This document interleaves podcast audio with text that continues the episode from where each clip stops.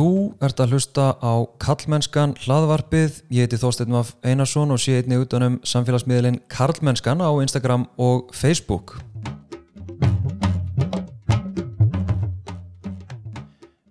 Í dag ætla ég að spjalla við hann Þorvald Kristinsson, riðtöfund og, og kynjafræðing og við ætlum svona, já kannski að fara í einhvers konar sögulega yfirferð á, á orðræðu og, og tilvistabaróttu homma á Íslandi en, en Þorvaldur tók meðal annars, ég sá þetta í vitalum daginn, tók á móti Páli Óskari þegar hann eh, já, skreiðin í samtökin 78 á sínum tíma. Eh, Þorvaldur, velkomin. Takk að þér. Ef ekki kannski bara byrja aðeins að, að fá að heyra aðeins frá þér bara, já, hver er maðurinn? Já, já með marguslega fortíð. Já, Ég kom ná aftur að þess aldur. En uh, ég uh, á með fortíð sem gagkin hefur maður. Ég bjó í, uh, lifði í hjónabandi með konu og hól upp dóttur á 30 aldri. já, Við vorum í námi í Kaupanahöfn þegar ég horfist í augu við samkynnið mína. ok. eða það að, að það var það sem ég þráði það voru kallmenn innst inni Já, já, og uh, eftir að ég hefði gert upp hugminn í félagi við uh, fleiri vini þegar ég byrjaði að taka þátt í félagslífi og pólitísku lífi í Kaupinahöfn þetta er rétt um 1980 þá vissi ég nú hvað ég vildi og uh, vissi það að ég yrði líka að koma heim til Íslands því að ég er upprunalega mentaður sem íslensku fræðingur og uh, þetta var fyrir daga internetsins þannig að það var ekkert hægt að vinna úr fjarska.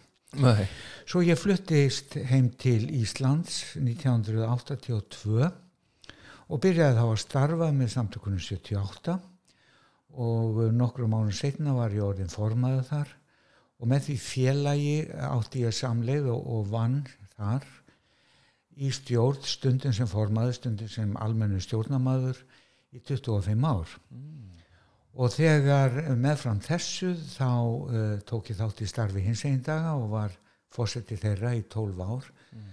Og þegar upp var staðið árið 2012 þá hafði ég starfað með þessari reyfingu sem bísnavirkur félagi í 30 ár. um mitt. Svo gerðist það um aldamótin síðustu að, að mér fannst mín mentun mín og sjónarhóll orðin þröngur og uh, ég ákvaða að endurmenta mig eiginlega bara bá grín því ég hafði nóg að gera við bókaútgáfu sem var mitt eiginlega æfistarf Ok, að rýstýra bókum. Og uh, fór í kynjafræði og, og lauk þar uh, nokkrum árun, árun setna námi. Það hafði gríðarlega góð áhrif á mig á þeim konum sem þar kendu mikið að þakka ég lærði líka tökin á því sem við köllum eiginleg aðferðafræði félagsvísinda. Og uh, það var til þess að styrkja áhuga minn á, á sögu og reynslu samkynneis fólks um og uh, ég gætt líka svona styrt mína sín með því að uh, skoða fræðilega umfjöllun erlenda um þessa hluti. Núna vinn ég að bók um alnæmisárin í lífi homma, það er að segja árin frá því um 1980 og til uh, aldamótana síðustu, Já. svona 20 ára tímabil. Já.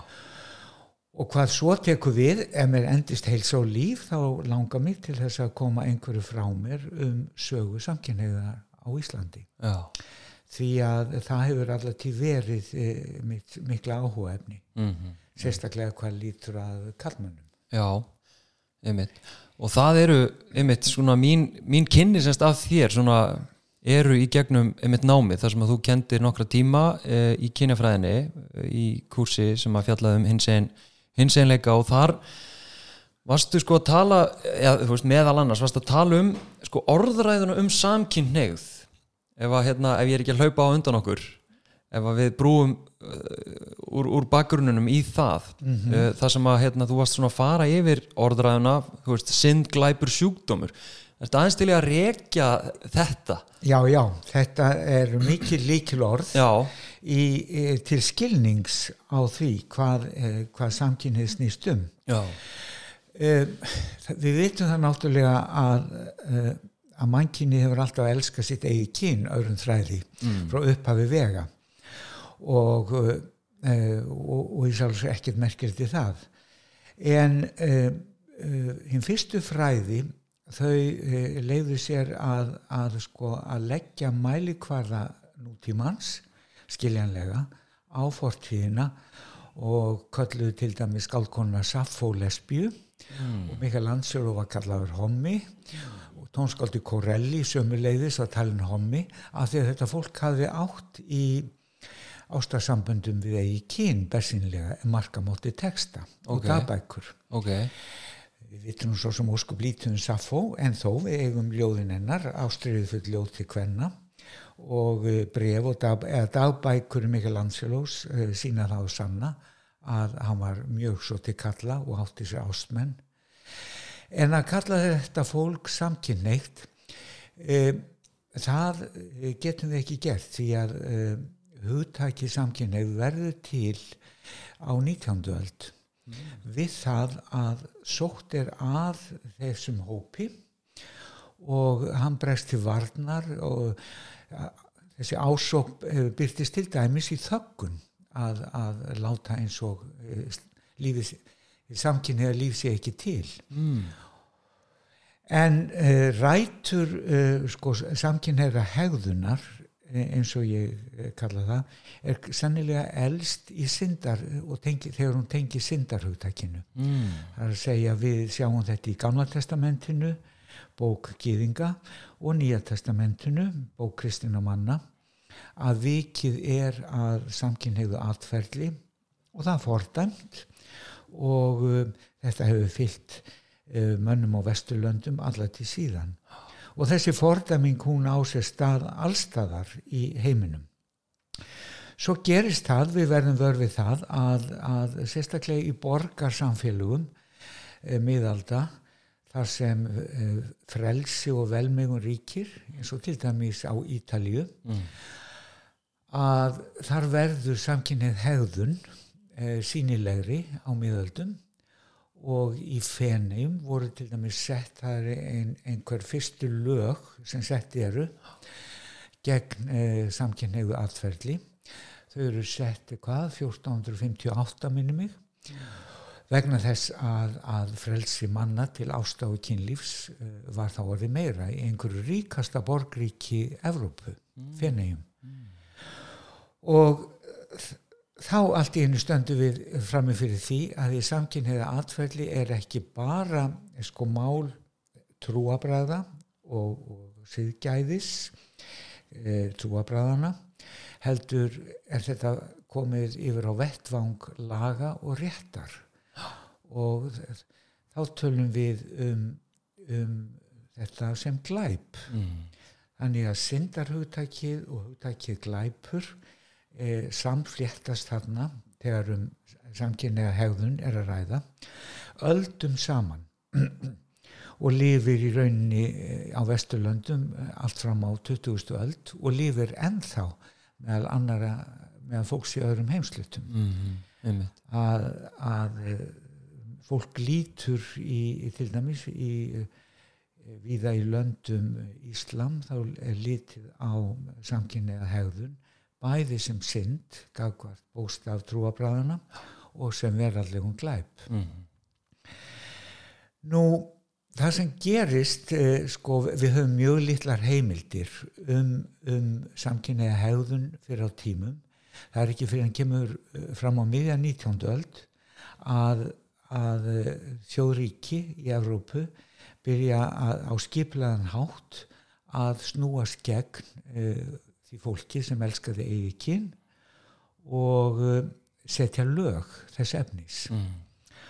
og eh, okkar helstu heimildir eru um, um lagasetningar og dómsmál, stöku dómsmál því að, eh, því að dómsmál eru yfir skráð já, yfirheyslur og, og dómar. Og uh, það gerist uh, sem sé á, á sjönda áratug 19. aldar að þjóðverjar eru þá að saminast í einu ríki uh, undir fórustu Prússa og setja þá lög til, til varnar eh, sem sé, eða til að hamla gegn samkynneið. já, Þetta verður til þess að, að fólk í öllu þessu umtali sem á svo eftir að aukast alveg fram yfir aldamótin fer að skinja sig eh, fólk sem elskar laði ást og geind á sitt eigi kyn byrjar að skinja sig sem hluta af hópi og það er nýtt í sögunni. Því að áður fyrr hafði hafði var venjan að líta á slíkt atferðli bara sem persónlega löst, veikleika mm, eh, galla og, og eh, hinn samkynniða manneskja sjálf. Hún held að hún væri eini í heiminum meira og minna en núna verður til ákveðin hópmyndun og uh, þegar læknir einn í, í, í Östuríki minni mig e, e, setti á prent orðið homosexualitet árið 1869 þá þá gerist eitthvað mjög merkilegt. E, það er búið að setja nafn á ákveðna hegðun og ákveðin samfélagshóp og uh, samkynniði sjálfur að, uh, sem leituður réttarsins greip upp þetta orð. Og, og hérna og heldu að, að þar með væri þeirra styrkja sína stöðu. En svo virðist sem svo hafi nú alls ekki verið því að, að uh, brátt var samkynneitt atferðli orðin glæpur að lögum. Og þjóðverjar settu eða brúsar settu sín lög þarna uh, nokkru fyrir 1870 Danir um líkt leiti því að uh, menningatengsl voru mjög sterk og pólitísk tengsl á milli þessara landa. Og Ísland fekk sína fyrstu hegningalöggjöf, refsilöggjöf árið 1869 og þar er í fyrsta sinn í Íslandssögunni hveði áum refsingu fyrir samkynneitt atferðli. Þetta hétt samræði gegn náttúrulegu eðli og það var það Má ég, mér langar að skjóta henni inn í að hérna að sko að þú segir við erum að skoða sko þessa, þessa hegðun uh, með glerugum einhvern veginn samtímans eða nútímans sem við getum ekki gert segiru áðurum fyrir lengra inn í sko, inn í sko, íslensku söguna út frá, út frá glæpnum að hvað áttu við þegar þú segir að við getum ekki skoðað þessa hegðun með glerugum samtímans eða það, er- svo ég sé nú orðið þetta svolítið nákvæmar. Já. Við hljótum alltaf að rannsaka fortíðina með eh, augum nútímans. já, en við megum ekki ganga á langt í þeim efnum og, og það að ímynda sér að vitund eh, fólks í fortíðinni hafi verið eitthvað svipuð okkar vitund. Mm, að e, þegar ég hérna horfist í augu við það að ég er hommi þá, þá veit ég það bara já, löngu áður að ég tilheyri ákveðnum hópi manna. Ég er jaðasettur, ég er minnilutahópur en ég, ég er nokkuð viss um það að Michelangelo og Corelli þeir skinjuðu ekki slíkt já, já, já. Þess, þarna er, er munur á. En var þá bara eitthvað meira frjálsræði í þessari kyn hegðun eða kyn tján eða hvað að því hegðun, þú talar um það eru heimildi fyrir hegðuninni sem að við í dag merkjum sem hérna samkynhegð samkynhegt kynlíf. Já,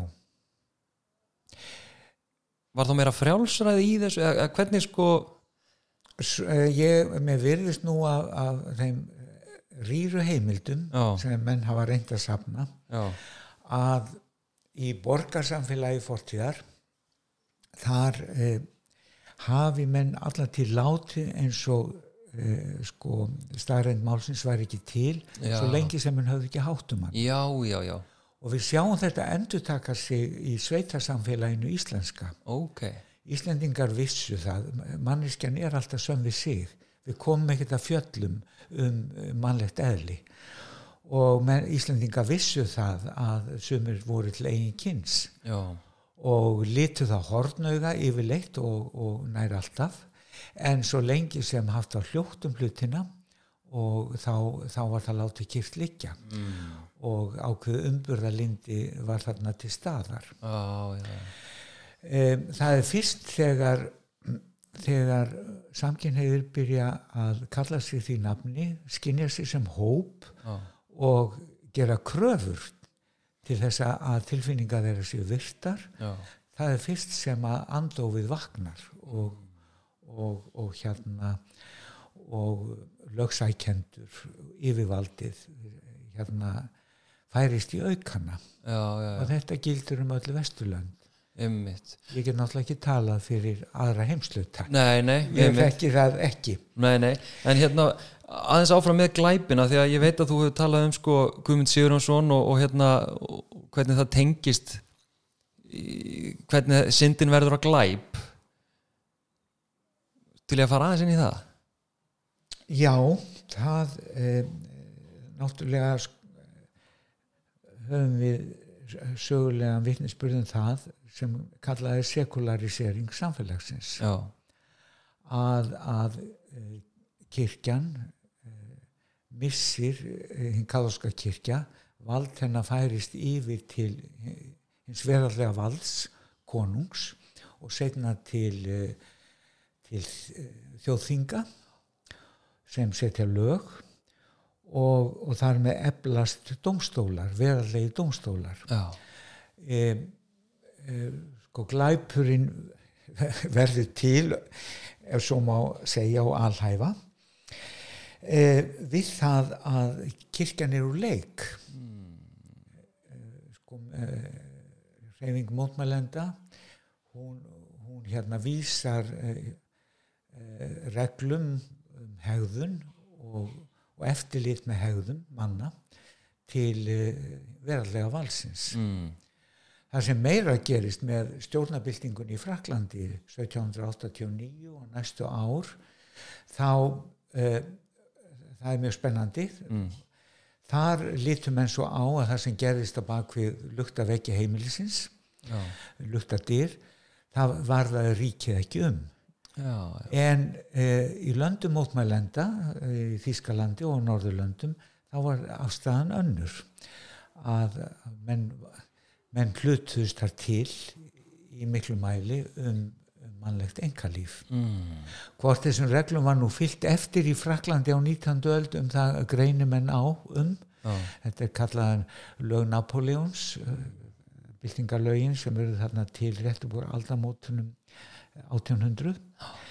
En við stöndum sem sé frammi fyrir því í lok 19. aldar að það er refsivert samkvæmt lögum að eiga mög við eigi kyn. Já, og uh, á þetta uh, reyndi aldrei á Íslandi uh, þar að segja samkynneið atferðli sem glæp fyrr en árið 1924 já, þá kemur upp eiginlega fyrir slistni í, í, í, í hérna meðal, meðal yfirvalda upp málefni og mál mann sem hétt Guðmundi Sigurjónsson og var frægur glímukappi á Íslandi og virtu maður sem hafi farið víða um heim.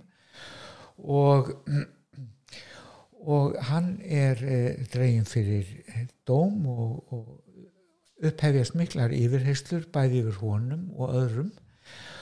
Og eh, hann er dæmdur fyrir samræði gegn náttúrulegu eðli þar að segja fyrir samkynnið aðferðli Eh, Dómur fjall 1924 hann satt inni í nokkra mánuði á skólaurustíð í Reykjavík. Já, og um, en þá komu lækna yfirvöld honum til varnar og deildu á þennan dóm mjög harkalega Guðmundur Tóraðsen læknir mm, og landlæknirinn sem hétt Guðmundur Björnsson. Og uh, Guðmundur Tóraðsen segir það beinum orðum í brefi til yfirvalda að, að hérna, það komin hafi stað komi yfirvaldinu bara ekkert við svo lengi sem við valdi ekki öðrum mann í skada mm, að, að ástalíf annara sé þeirra engamál. Það var til þess að dómurinn var mildaður og hann satt aldrei inni nema helminga þenn tíma já, Guðmundur, sem hann var ætlað að sitja. Síðan má bæta því við að hann sótt um uppreist æru tíu árum setna og fekk hana. er með reynd sakavottorð. Hann er eini maðurinn í í íslenskri réttasögu sem er dæmdur fyrir samkynneitt atferðli. Hvenar er lögunum áttu breytt? Þeim er breytt árið 1940 Já, og það voru mjög framsækjun lög sem voru nú reyndar um margt kópía eða afritt af dönskum lögum já, sem hafðu orðið til tíu árum áður en með lögunum 1940 þá uh, sem sé hættir uh, samkynnið aðferðli að vera refsivert meðal fullveðja einstaklinga mm. eins og verður þarna til í fyrsta sinn uh, þetta hugtak sem aldrei er nota beinum orðum í lögum en við kollum samræðisaldur já, já. að, að þá, það er refsivert að eiga ef að eldri á mög við manneski af eigin kyni undir 18 ára aldri Mm. og uh, vændi þar segja uh, sá sem greiðir fyrir, fyrir mög, kynmög sannanlega eh, skal sæta fangelsi já. þannig að þau, þessi lög 1940 þau eru meira í, í svona í líkingu við, við það sem við þekkjum úr nútímanum ok og, og kemur þá í staðin inn þessi sjúkdómsvæðing eða hvað? Já, sjúkdómsvæðingin seitlar inn uh, mjög snemma, hún er komin á fullt flug samhliða uh, sem sé hugmyndin um glæp mm. út í Evrópu Mm. uh, 1880 og kannski fyrr Mm. og, og hérna en það er ekki fyrr en fyrr en um aldamótin að að lönd fara að gaggrína lögjafald og dómstóla fyrir það að, að láta sér máli varða. Smá sem að fara með að líta á samkynneitt atferðli sem, sem persónlega sjúkdóm. Eh, menn spyrja ekki þarna um, um náttúrulegt upplag eða og hafa engan áhuga á því hvort að hvort að eh, fólk eh, stofni til ásta og sambúðar og annars slíks. Mm. þetta er sjúdómur og skal vera sjúdómur og um þetta eru fyrstu dæmi á Íslandi frá því 1920 að þar má lesa það í, í læknablaðinu til dæmis að homoseksualitet sé nokkus konar vanskapnaður en ekki glæpur. Mm. og þessi hugsun hún styrkist hægt og býtandi e, þegar líður á öldina og e, lögmaður einn í Reykjavík skrifaði bref til dómstólana árið 1940 og til, hann er þar að verja skjólstæðing sinn ok, sem, sem, sem sé, eh, hafi verið sóttu til saka fyrir samkynneitt atferðli og ef ég má vitna í þennan lögmál þá segir hann í brefinu þetta. Það er nú orðin almenn skoðun vísindamanna í læknisfræði og refsirétti að sá kynferðislegi mistþroski sem nefndir kynvilla eh, sé sjúkdómur sem bæði sé gagslaust og ómannúlegt að refsa fyrir að jafna því. Sannleikurinn er sá að slíki menn verðskulda fremur samúð og hjálp heldur en harða refsingu. já, Dómfeldi, þar er segja sakbortningur, hefur mikinn áhuga því að fá sér læknaðan að kynvillu tilneyingum sínum. Hefur hann í því skyni og að læknisráði gengið í gegnum algjört bindindi á áfengi. oh my god það, það er rosalegt. Það er auðvelt að hlæja þess í dag en, en, en árið 1940 var þessum góða lögmáli fúlasta alvara með orðum sínum. Vá, þú veist, já þe- þetta er bara svo rosalegt að því að það eru alveg leifar af þessu viðþorf ennþá. Já, já, allt lifir þetta. Og, og, og hérna er kannski svo, eh, ef við horfum bara á, á fríkirkjusöfnuðina sértrúasöfnuðina sem við kallum svo já, þá innræð það þeir sínum safnaða meðlumum það að, að samkynneið sé synd já, og glæpur. Og ég á vini sem hefur verið vísað úr slíkum söfnuðum. Já, þegar uppvist var um það að, að þeir ættu í ástasambandi við eigi kyn.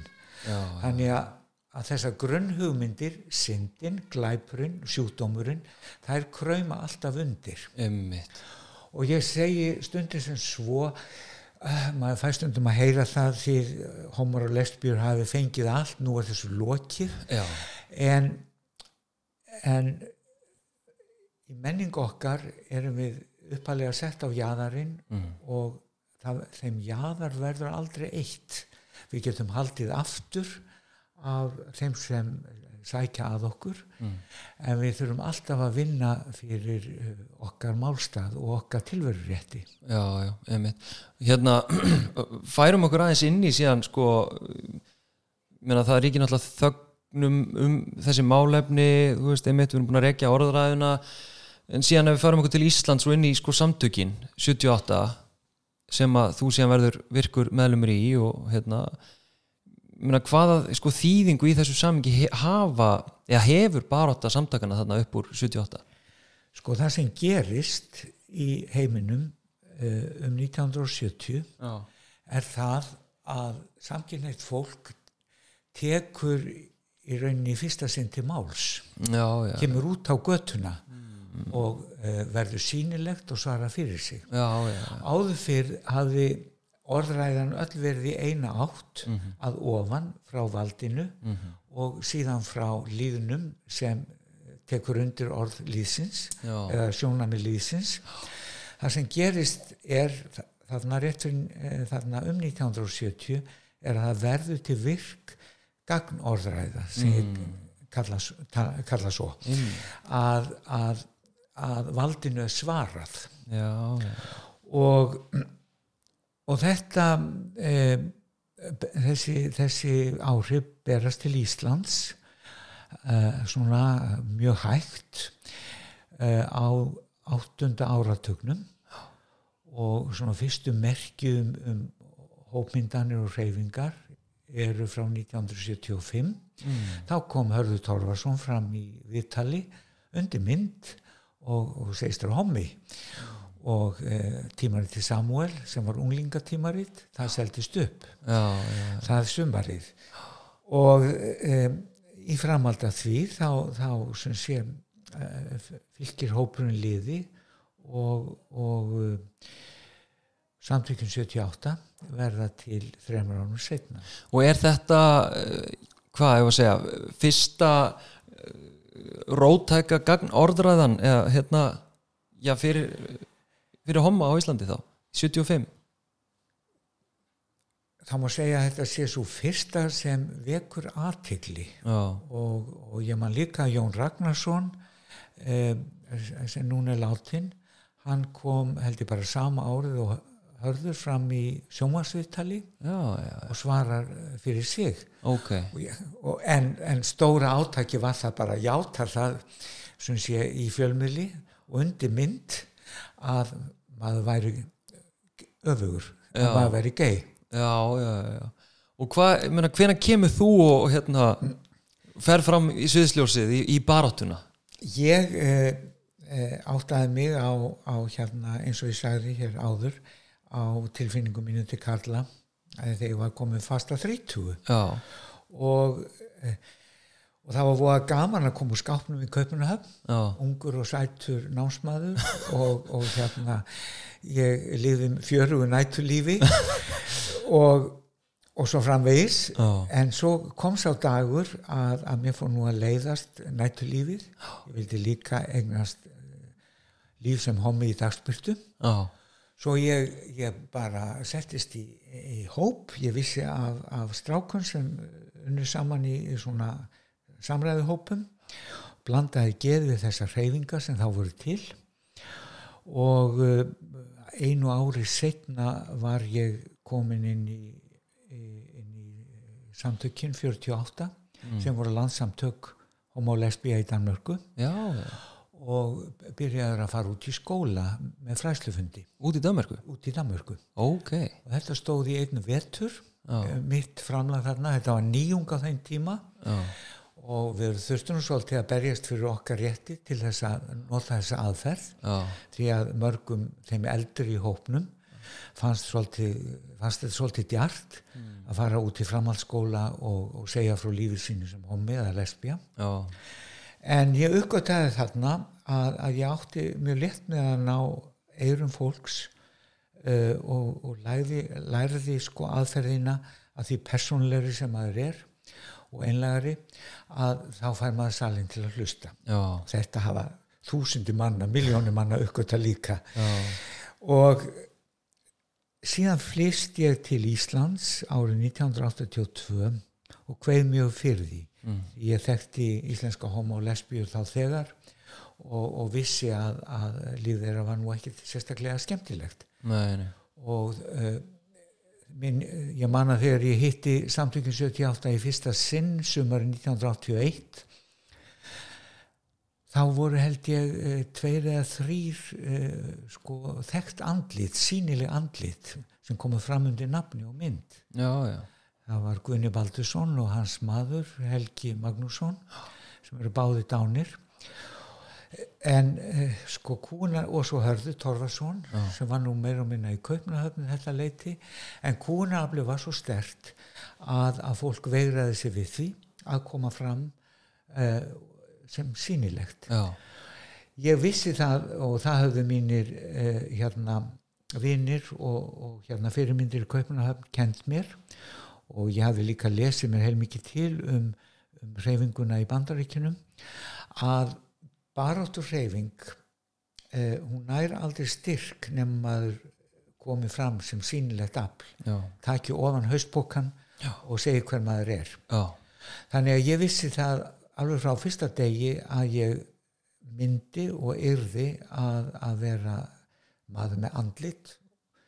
Eh, ef ég tæki málstað homo og lesbía. Og það gerði ég og það var ekki döðvelt, það var ekki gaman. Ég, ég hérna, átti erfileikum og íbúðamarkaði og til dæmis, mér var sagt upp íbúð. Ok. Og eh, fyrir það að, að, vera hommi og, og ég fann fyrir tortrygni á vinnumarkaði. En ég var nú hefnar en margur aðrir því að, að eh, vin, fyrst, minn fyrsti og, og lengsti vinnuveitandi á Íslandi hún fannst eh, bara mikið til heiðarleika míns koma. Já, það var Jóhann Páll Valdimarsson útgefandi já, sem ég vann fyrir og hann reyði mig í vinnu á yðunni og setna stopnum við saman forlægið. ég það Það? var 1984 og Jóhann Páll let aldrei á sig finna, hafði hann haft einhverja efasendur um það að, vera með homma innan bors, þá let hann e, það aldrei á sig finna og, og hérna og það kom aldrei niður mér vitandi á, á okkar útgáfustarfi. Nei, nei, ok. Og eh, en hins vegar var ég fyrir aðkasti það ég átti stundum svolítið erfitt með að bara reyfa mig eh, um bæinn. Já, ég, fólk rauka á mig í hagköpum með skýrkasti já, eh, þegar ég hafði komið fram í sjónvarpi til dæmis eða í blöðum. Ok. Og en ég var viðbúinn og ég hafði líka lært það að vorkjana aldrei sjálfum mér. Nei, sko ef maður fer út í, í jæðabaráttu, minnlutabaráttu þá verður maður líka að, að vera viðbúin því að taka höggunum. En langaði þið aldrei bara æ, ég skal bara, hérna, ég flytt bara aftur til Dömerkur og hérna, langaði þið aldrei bara bakka út? Jú, ég var alltaf á leiðinni til meginlandsins fyrstu tvö árum mín á Íslandi. Já, en af því að mentun mín og starf mitt er tengist íslensku máli fyrst og fremst, já, tungumáli. Já, og þetta er fyrir daga uh, sko netsins, internetsins. Þá átti ég ekki uh, beinleins góða góða atvinnum, engam atvinnumöguleika sem slíkur mm, utan Íslands. Já, já, ég veldi í stundu fyrir mér að, að fara að reyna einhvers konar endurmentun já, fara, fara og gera eitthvað allt annað sem ætti betur við í útlandum já, en það kom líka til þarna að ég kynntist náttúrulega vinum í þessu starfi mínu með samtökunum. Já, ég byrjaði strax að, að, að blanda geði við þau og starfa með þeim og, og árið 1986 var ég orðin formaði félagsins í fyrsta sinn, Mm. ég var það þrísvar og og í slíku starfi þá eignast maður nána vini. Og, og, og það var og þau voru gáfuð, þau voru mörg hver lífsreind og, og, bygguðu miklum hæfileikum. Og einhvern veginn urðu fjölskylda mín önnu fjölskylda mín. Og, og ég gatt, þegar ég gerði upp hugminn þá gatt ég ekki hugsað mér að hverja Ísland. Og hérna er ég ennþá. Já, einmitt. Og ég þakka fyrir það því að ég bjóst aldrei við því að, að, hreyf, hins eginn hreyfingin og, og, og sem var uppalega hreyfing homo og lesbía yrði nokkuð tíman eh, barni brók svo má, má segja? Já, er við, við næðum árangri Mm. ég bjóst aldrei því að við næðum teljandi árangri en um, það undri gerðist og það eru nokkra ástæði fyrir því Mm. að Ísland tók framförum í mannreitindamálum sem eru svo langt, langt umfram það sem búast má við annar staðar í heiminum. Ok, og ég velti þessu lengi fyrir mér árum saman. Hvað stuðlaði að þessum miklu framförum frá 1980 til 2010 mm þannig að í dag lifa, lifir samkynheitt fólk uh, til tölulega frálsu lífi og án þess að, að því sé sótt. Já, það sem gerðist var til dæmis það að fjölmila umhverfið á Íslandi það gjör breyttist þannig á nýjunda áratu aldarinnar. Frjáls fjöl, eh, fjölmiðlun í ljósökum að gefi uh, lögum frjáls á fjölmiðlun ur að vera leika 1986 þá komi nýja sjómastöðvar eh, sem voru um margt miklu rótækari og forvitnari um, um hérna mannlífið en ríkisjónvarpi var á þeim tíma. Ok. Og þarna risu upp á þessum tíma e, vikublöð sem höfðu gríðarlega áhrif og, og seldust víða. E, margi muna ennþá eftir helgapóstinum og pressunni. Já, þar innan boss voru jafnaldra mínir, blaðamenn mm. og riðstjórar já, reynda sum, sum þeirra voru yngri en ég. Og uh, nokkur þeirra voru persónlegi vini mínir þannig að við hreyfing mín átti greiðan aðgang að þessum fjölmiðlum. Mm. uh, Helgapósturinn kom út einu sinni viku uh, á 50 dögum og seldist í gríðalegu upplægi og var mikið lesin og var í rauninni eins konar andóf við eh, svona hefðbundi flokksblöð sem þá tíkuðust. Mm. því að önnu dagblóð voru reikin á stjórnmálaflokkum. Já, já, það var helst þjóðviljin eh, sem var reikin á alltíðubandalæginu eða, eh, eða eh, átti það rætur sem var eh, talaði skinsamlega um málefni homo og lesbía. Já, en önnu blöð þögðu þunnu hljóði.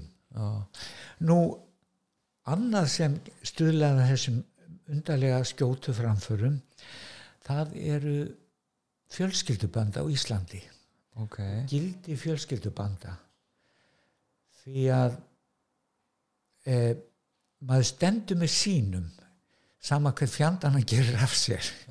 Maður, e, það, er, það er mjög ríkt á Íslandi. Ég hef aldrei kynst líku svo sterkum fjölskylduböndum eins og hér á landi nema að vera skilt í færium mm. og í dreifum byggðum Noregs. Já, já, um, og það að útskúfa fjölskyldumeðlim fyrir eitt eða annað það, það, hljóma mjög undarlega í eirum Íslendinga. Já, við tökum eftir þessu að þó að fólk fremji glæpi hér á landi.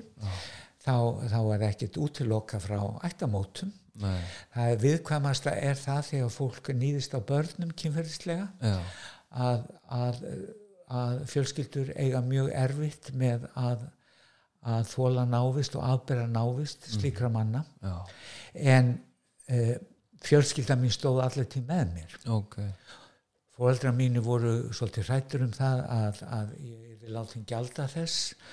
Að ég nýtt ekki frama já, í samfélaginu fyrir það að vera ofinber homi en sá ótti reyndist ástæðu laus já, og, og þegar þau sáu að, að hérna að baráttan fór að byrja árangur þá var miklu léttara líka fyrir þau að standa með mér. Einmitt. Ég ætla aðeins að, að að ég ætla að gera smá pásu. Já, sorry með þetta, ég varð að fara að pissa, ég veit að þið tóku nú ekki eftir miklu en hérna við vorum sérst að tala um hvað orsakaði þessar framfarir og ég bara sendi boltan aftur yfir þig hérna Þorvaldur, afsakið þetta Já, þegar framfæri verða Já, alveg eins og þegar samfélagum fer aftur þá er það margir samverkandi þættir og rætuna líka djúft en ég nefndi fjölskylduböndin sem hafa fleitt okkur ótrúlega vel áfram. Ég nefndi þetta nýja fjölmila umhverfi sem var til uh, sem sé upp úr 1980 og ég get líka nefnt uh, uh, stuðning háskólasamfélagsins akademiska samfélagsins ok við okkur, við hreyfingu okkar. E, á Íslandi þá ríki mjög sterk trú á, á það sem e, fræðimenn og fræðafólk hefur að segja. einmitt, Það er sterkari trú á Háskóla Íslands hér en á aðra slíka stofnanir erlendis. já, Og þegar ég kom auða á þetta, þá er ég formaður rétt upp úr haldamótunum og þurfti að, að, að berjast fyrir bættum fjölskyldurétti, bæði ætlaðingarétti og uh, líka fyrir rétti kvenna til tæknifrjókunar og sjúkastofnunum já, og þá hugsaði ég með mér sko, nú er tím til komin að, að heyra hvað háskólasamfélagið hefur að segja. já, Uh, ég hafi aðeins kynst Rannveigu Tröstadóttur sem er, er, er, er professor við Háskóla Íslands. Já, og, og mikill mannreitinda sinni og ég kallaði hana til starfa með samtökunum 78 hún er eina gagkin eða konan á, á þeim tíma sem satt þar í stjórn. Ah. gagkin hefur hafði ekki verið búin í velkomni í stjórn samtökunum 78 fyrir enn 2003 ok. En við kalluðum Rannvögu til þessi okkur vegna þess að við vissum af þekkingu hennar. Og hún eh, sem sé stutti með ráð og dáð um, fræðilega nálgun þegar koma því að vinna rétt mm, til fjölskyldulífs. Einmitt, og það var svo til þess eh, að uh, samtingu 78 emdu þrývegist til uh, fyrirlestarraða mm, um eh, hins egin líf og hins egin baráttu. Mm, og þetta verður gríðarlega vinsali fyrirlestrar sex fyrirlestrar á vetri eh, þrjá vetri röð. Og haldnir hvar haldnir í Háskóla Íslands. Ok, já, Og fræðir- 101 ok fræðilegir eða bara já, allt saman fræðilegi fyrirlestrar einmitt, þetta var háskólafólk úr ýmsum áttum sem kom þarna Já. við buðum líka útlendingu til Íslands. Já, og ég hef nú svolítið reikin að því. Við einn af gestum okkar var Susan Stey Susan hvað heitir hún eftirnefni e, fyrsta transkona sem tjáði sig ofinbellega á vettvangi Háskóla Íslands. Ok.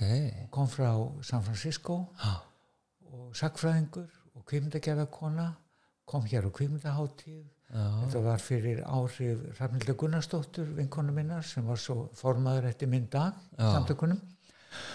Og, og Susan kom og sagði frá lífi sínu sem transkona mm, og hafði mikil áhrif á þá hreyfingu á Íslandi. já, já Því að transfólk á Íslandi er á margalund að ganga í gegnum sömu erfileikan og sömu baráttuna homar og lesbjur gerðu 30 árum áður. einmitt,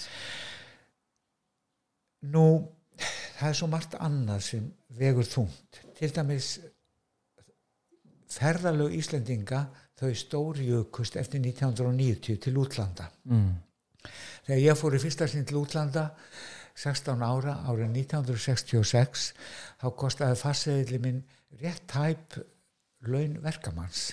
já, já, já, ok Það var luxus, það var fyrir góðborgara og efnafólk að fara ellendis.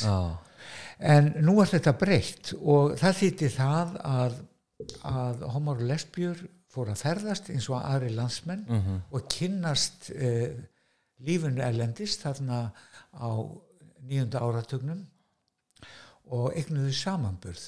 Og þetta er um, dulin en mjög sterkur aflvæki reyfingarinnar já, að eh, við fengum samanburð. Það var eitthvað að heima hjá okkur mm, sem við höfum kannski ekki átt á og vorum ekki tilbúin til að kingja lengur. Nú svo má ekki gleyma því að netmiðlarnir urða veruleika um 1900, ja, þeir eru orðnir að veruleika 1995 já, og, og, og hérna öll, öll þekkingaröflun eh, var allt, allt önnur en áður var. já, Ísland hefur svona smá saman verið að komast út úr e, sínum afdal og inn á kortið, heimskortið Já, einmitt. Mér langar aðeins að hérna, svona árunum við fyrir að draga þetta saman að, setja punktin á þetta að, að tengja sko að því vorum að fara, að þú varst að fara á hann yfir sko orðræðuna og hérna frá hérna syndinni, glæpnum, sjúkdómur af því að uh, nú er ég svona heltekinn af, af kallmennsku hugmyndum og, og það, já, það er mín upplifun að að það er ótrúlega sterk tilneng til þess að sko einhvern veginn lýsa yfir gagkinnheið sinni. Og, og mér finnst vera einhvers konar svona, já, ég tala oft um það sem homofóbískan þráð í, í, í hetero kallmennsku hugmyndum. Menn að hefur eitthvað skoðað hvar eru við stödd í dag gagvart orðræðu um samkynneið til dæmis kalla? Já, stórt er spurt. Um, við höfum tekið framförum. Já, það er ekki lengur sjálfgefið á, á, á omberum vettvangi að, að allir séu gagkinheyðir nei. Og en hins vegar þá um, um, hefur okkur bröðist bógarlistin á einhvern hátt þegar kemur að því að vekja vitundum það að manneskjurnar eru margbreytilegar þegar kemur að yngsta aldurshópnum hmm. mér finnst afskaplega þægilegt og ég vona að fleiri geti tekið undir það að ferra sem hommi um Ísland og, og hérna ég verð aldrei fyrir aðkast í dag nei að neinu tægi og eh, eða höfnun eh, á á nokkur tægi Mhm. og uh, mér finnst það mjög merkilegt ég er þakkláttu fyrir það en ég sé uh, að meðal uh, unglinga lifir uh, lifa einhvers konar homofóbísk viðbröð mm. og þetta er mjög flókið í öllum samfélagum að glíma við þetta því að uh, krakkar á aldrinu 10-15 ára er að verða til sem kynverur. Mm og ofta án, án reynslu og ofta snær án mikillar reynslu. Og um, bergmála þá uh, ríkjandi gildismar þegar það er gildismar sem kræmar Já, í, í, í hópnum. Og homofóbía er þar til staðar. Já, já, og það kannski tengist á þessu gagkinnheða forræði sem að Absolutt. Um, Gagginnitt forræði er mjög gaglegt til þess að, að vega og meta þetta hugtak til að vega og meta hvar við stöndum. Einmitt að uh, gera ráð fyrir því að allir séu gagginniðu þannig til annað kemur ljós. Já, um það snýst til gagginniða forræði. Já, og uh, ég því miður sé ég til dæmis með stöku vina minna sem hafa kent í framhaldsskólum mm.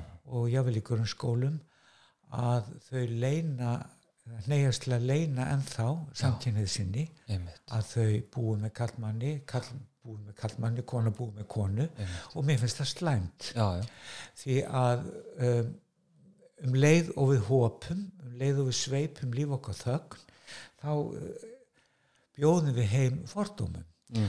og krakkar eru svo næm á þetta ef maður fer undan í flæmingi Mm. þá er, er ykkur orðið spennandi og kittlandi Mm. og ástæði til þess að högva jafnvel. Já, þannig að ég held að við þurfum að mynda e, í auknum mæli í framtíðinni mjög sterka strategíska aðferðir til þess að, að takast á við, við leinda homofóbíu í skólakerfinu mm. Ég veit að margir hafa hugsað um þetta og hugleitt þetta og fjallað um þetta jável Mm. en í, í rauninni þurfum við að taka höndum saman. já, Samtökju 78 í dag, þar er náttúrulega nýkynslu komin til starfa, þau, þau vinna uh, skólafræðslu, mjög merkilega, en ég veit ekki hversu mjög uh, uppfræðandunir sem koma í heimsók frá samtökunum 78 tjá sig út frá eigin reynslu. Já, það er svo miklu miklu sterkara að fjalla um, um, um staðrindi lífsins ef ég stend hér og segi ég er lesbía já, og ég á tvö börn og, og hérna mér langar til að spjalla við ykkur um það hvað það þýðir. Já, já, því að um leið og unglingar sjá um, sjá lifandi manneski sem er homi, sem er lesbija þá, þá hérna er svo erfitt að næra fordómana. Einmitt. og það kemur náttúrulega að þessum sínileika og, og hérna, að því mér langar aðeins að sko, ég veit ekki hvort þú hefur farið yfir aðeins að nefna það en hérna, það er einmitt, sko, hinsegin rými sínileiki hinsegin fólks sínileiki, já, homo, lesbía transfólks uh, sko hvernig getum við unnið gegn þessari homofóbíu og, og í rauninni einhverju leiti bakslægi bara almennt við jafnrétti sparáttu sko almennt af því að það er tilfinning mín og, og sumur annar að það er svona einhvers konar djúb undirlikjandi anspyrna við mannréttindi og, og jafnrétti já ég vil segja á Íslandi og jafnvel víðar uh, hvernig svona tæklu við þetta? Já en er stórt spurt. Eh, sko það er munur á hópum þarna. Já, sko bara alltaf hvenna hún er svo erfið og þung vegna þess að hún snýst um gríðarlega fjármunni ok. Ég var eins og stattur á fundi með eh, sem geðið landsbytlands emdi til Já, og spurði að því hvað ég geti kent geðsjúkum í baráttu þeirra já, fyrir uh, mannverðingu og mannréttindum. Já. Og ég sagði ég, sko munurinn á mér og ykkur er sá að mannréttinda barátta mín sem homma hún kostaði enga peninga. Mm, það voru engi peninga, þetta var huglega barátta. Mm, hún var öll á huglega planinu. Það er að breyta móral og gildismati. En barátta kvenna barátta geðsjúkra kostar svo óumræðilega mikla peninga. Mm, og, og þetta gildir um, um hérna alla öryrkja og, og alla þá sem eiga bara undir högg að sækja. Já, að, að efnaðsgrundvöllurinn eh, sem stjórnar nú líf okkar fyrst og síðast já, hann leikur svo stórt hlutverk til dæmis í kvennabaróttu ef þú ætlar að, að, að, hérna, að bjóða konum jafnrétti á vinnumarkaði þá kostar það peninga. Og, og, og það er valdinu reynlega ekki í hag að, að hleypa þessu jafnrétti of langt. Nei, nei en það náttúrulega er undir niður náttúrulega líka gildismat sem að þarf að breyta.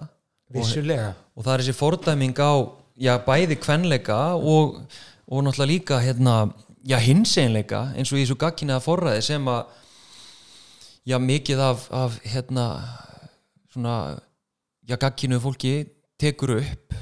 Þú veist að hérna þú veist, eins og bara sjálfsmynd gagkinniðar ungra kalla byggir á, á einhvern veginn því að lýsa yfir fjarlægð sinni frá samkynneið til dæmis. Já, já, veist, ég, ég, mér finnst ég sjá þetta mjög oft hérna, aðgreiningu frá kvenleika aðgreiningu frá hinseginleika og þannig verð ég alvöru maður. Veist, þetta er, þetta er þarna daldið það er náttúrulega til alls fyrst eins og uh, við höfum nú reynt í gegnum ára og aldir að til að breyta heiminum þá þarf fyrst af öllu samræði mm.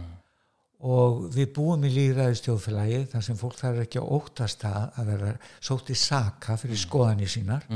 Og þess vegna eigum við umfram allt að, að nýta þessa þennan vettvang frjálskoðanarskipti í vonum að, að breyta einhverju. En við skulum líka muna það að það kom alltaf nýjar og nýja kynsluði til söguna þannig að það er engin endir á þessari umræðu. Nei, nei. og, og hérna þegar Rafnildur Gunnarsdóttir sendi frá sig kvikmynd sína svona fólk þá kom til mín eh, kunningjar sem ég þekki mér talsætt yngri sem hefði ekki hugmyndum það að ég hefði komið við sögu þessara já, og mér finnst það ekki skrítið því að við, við sögulegt minn okkar og hæfileg hjá okkar til að læra af sögunni er mjög takmarkaður. Mm. nema við gerum það af ásetningi mm. þess vegna fagna ég nýjum ströymum til dæmis innan sakfræði á Íslandi sem uh, fjallar um, um jaðarhópa og þá hópa sem ekki eru í, í, í sem sviðsljósinu og kastljósinu ég fagna því að til skulu vera námsbraut í kynjafræði sem ræðir fjallan líka nákvæmlega um þetta sama mm. allt það sem aðtiklinn beinist ekki svo glatt að. Nei, já, einmitt. Svona rétt að lókum, hvað hvað hefur eftir í, í baróttu hins eginn fólks? Eða homma og lesbía, getur við sagt það? Hvað hefur eftir að að breyta bæta, laga? Það er ótalmart sem við þurfum að laga og breyta og bæta. Ok, uh, uh, aðtikli reyfingarinn hefur náttúrulega mjög verið á málefnum transfólks og, og nokkur leiti intersex fólks í segni tíð vegna þess að það þarf svo margt að bæta það er fyrir svo mörg að berjast mm. en um, hvað var það samkynheiða þá finnst mér eins og eins og sko vitundin um menning okkar menningarlíf, að við eigum okkur kultúr, við eigum okkur marguslegt menningarlíf Mm. og við sem samfélag gerum og lítið af því að auðlýsa þetta halda því á lofti, benda á það. Um, þetta er líka innan fræðarsamfélagsins við þurfum að auðlýsa upp. Uh, ég vil sjá sjá fræðimenn í fremsta flokki og listamenn í fremsta flokki heimsækja Ísland og halda fyrirlestra og, og vekja máls á því hvað stefnir. Mm. því að e, með breyttum samskipta leiðum sem tengist e, hérna stefnumóta öppunum, Mm. grindir og tindur þá þá hefur e, möguleiki okkar á því að nálgast hvert annað breyst mjög mikið og eins og mörgum ungum homanum finnst það spennandi að, að labba inn á grindir mm. eins og hvern annan bónus. Þú gengur bara að því sem þér hendar í hillunum. Já. þá eh, segja margir ungi stráka með það að þetta veikið um óumræðilega einmannleika.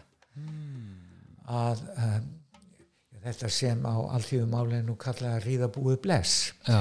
það er ekki mjög spennandi til þess að rækta hérna velíðan þegar til lengda lætur. Nei. það er ákveðin útrás augna blíksins en kannski lítið meira að þessu leiti voru barir gamlu dagana sem núna eigundur högg að sækja meðal homma og lesbía Mm. allstaðar í heiminum höfðu sína miklu þýðingu já, því að þeir voru ekki bara hérna að leita að, kynum, kynlífi og skyndikinnum þeir voru líka staðir vinnáttu mm. við þurfum að horfast í augu við það að með breytri tækni og breytum samskiptamöguleikum þá verðum við líka að hugsa um sjálf okkur og, og læra að meta sjálf um okkur sem vissmuna verur og tilfinninga verur Mm. og blanda geði Mm. ég er mjög þakkláttu fyrir allt það sem gert er í skólum Mm. því að um, bara það að það skulle vera kostur á því að læra ögn um eh, líf sitt og sögu sem samkynni manneskja, það finnst mér dýrmætt. Mm. en betum á að duga skal. Og uh, það besta sem er gert hér á landi eh, á Íslandi það er það er nú sennilega framlag hinsegin daga sem er ekki bara gleði ganga á lögadegi Mm heldur líka menningarháttíð það sem við höfum getað uh, sem sé emt í gegnum árin til ótrúleira viðburða og það er sá þáttur hins eginn daga sem er þykir óumræðilega væntum það er við erum ekki fólk bara með tilfinningar og kynkvöld við erum fólk með sögu við erum fólk með menningu sem við þurfum að elska og rækta. Yes. Ég held að við látum þetta bara vera loka orðin Þorvaldur Kristinsson, rituöndur og kynjafræðingur. Takk hjá fyrir spjallið. Takk að þér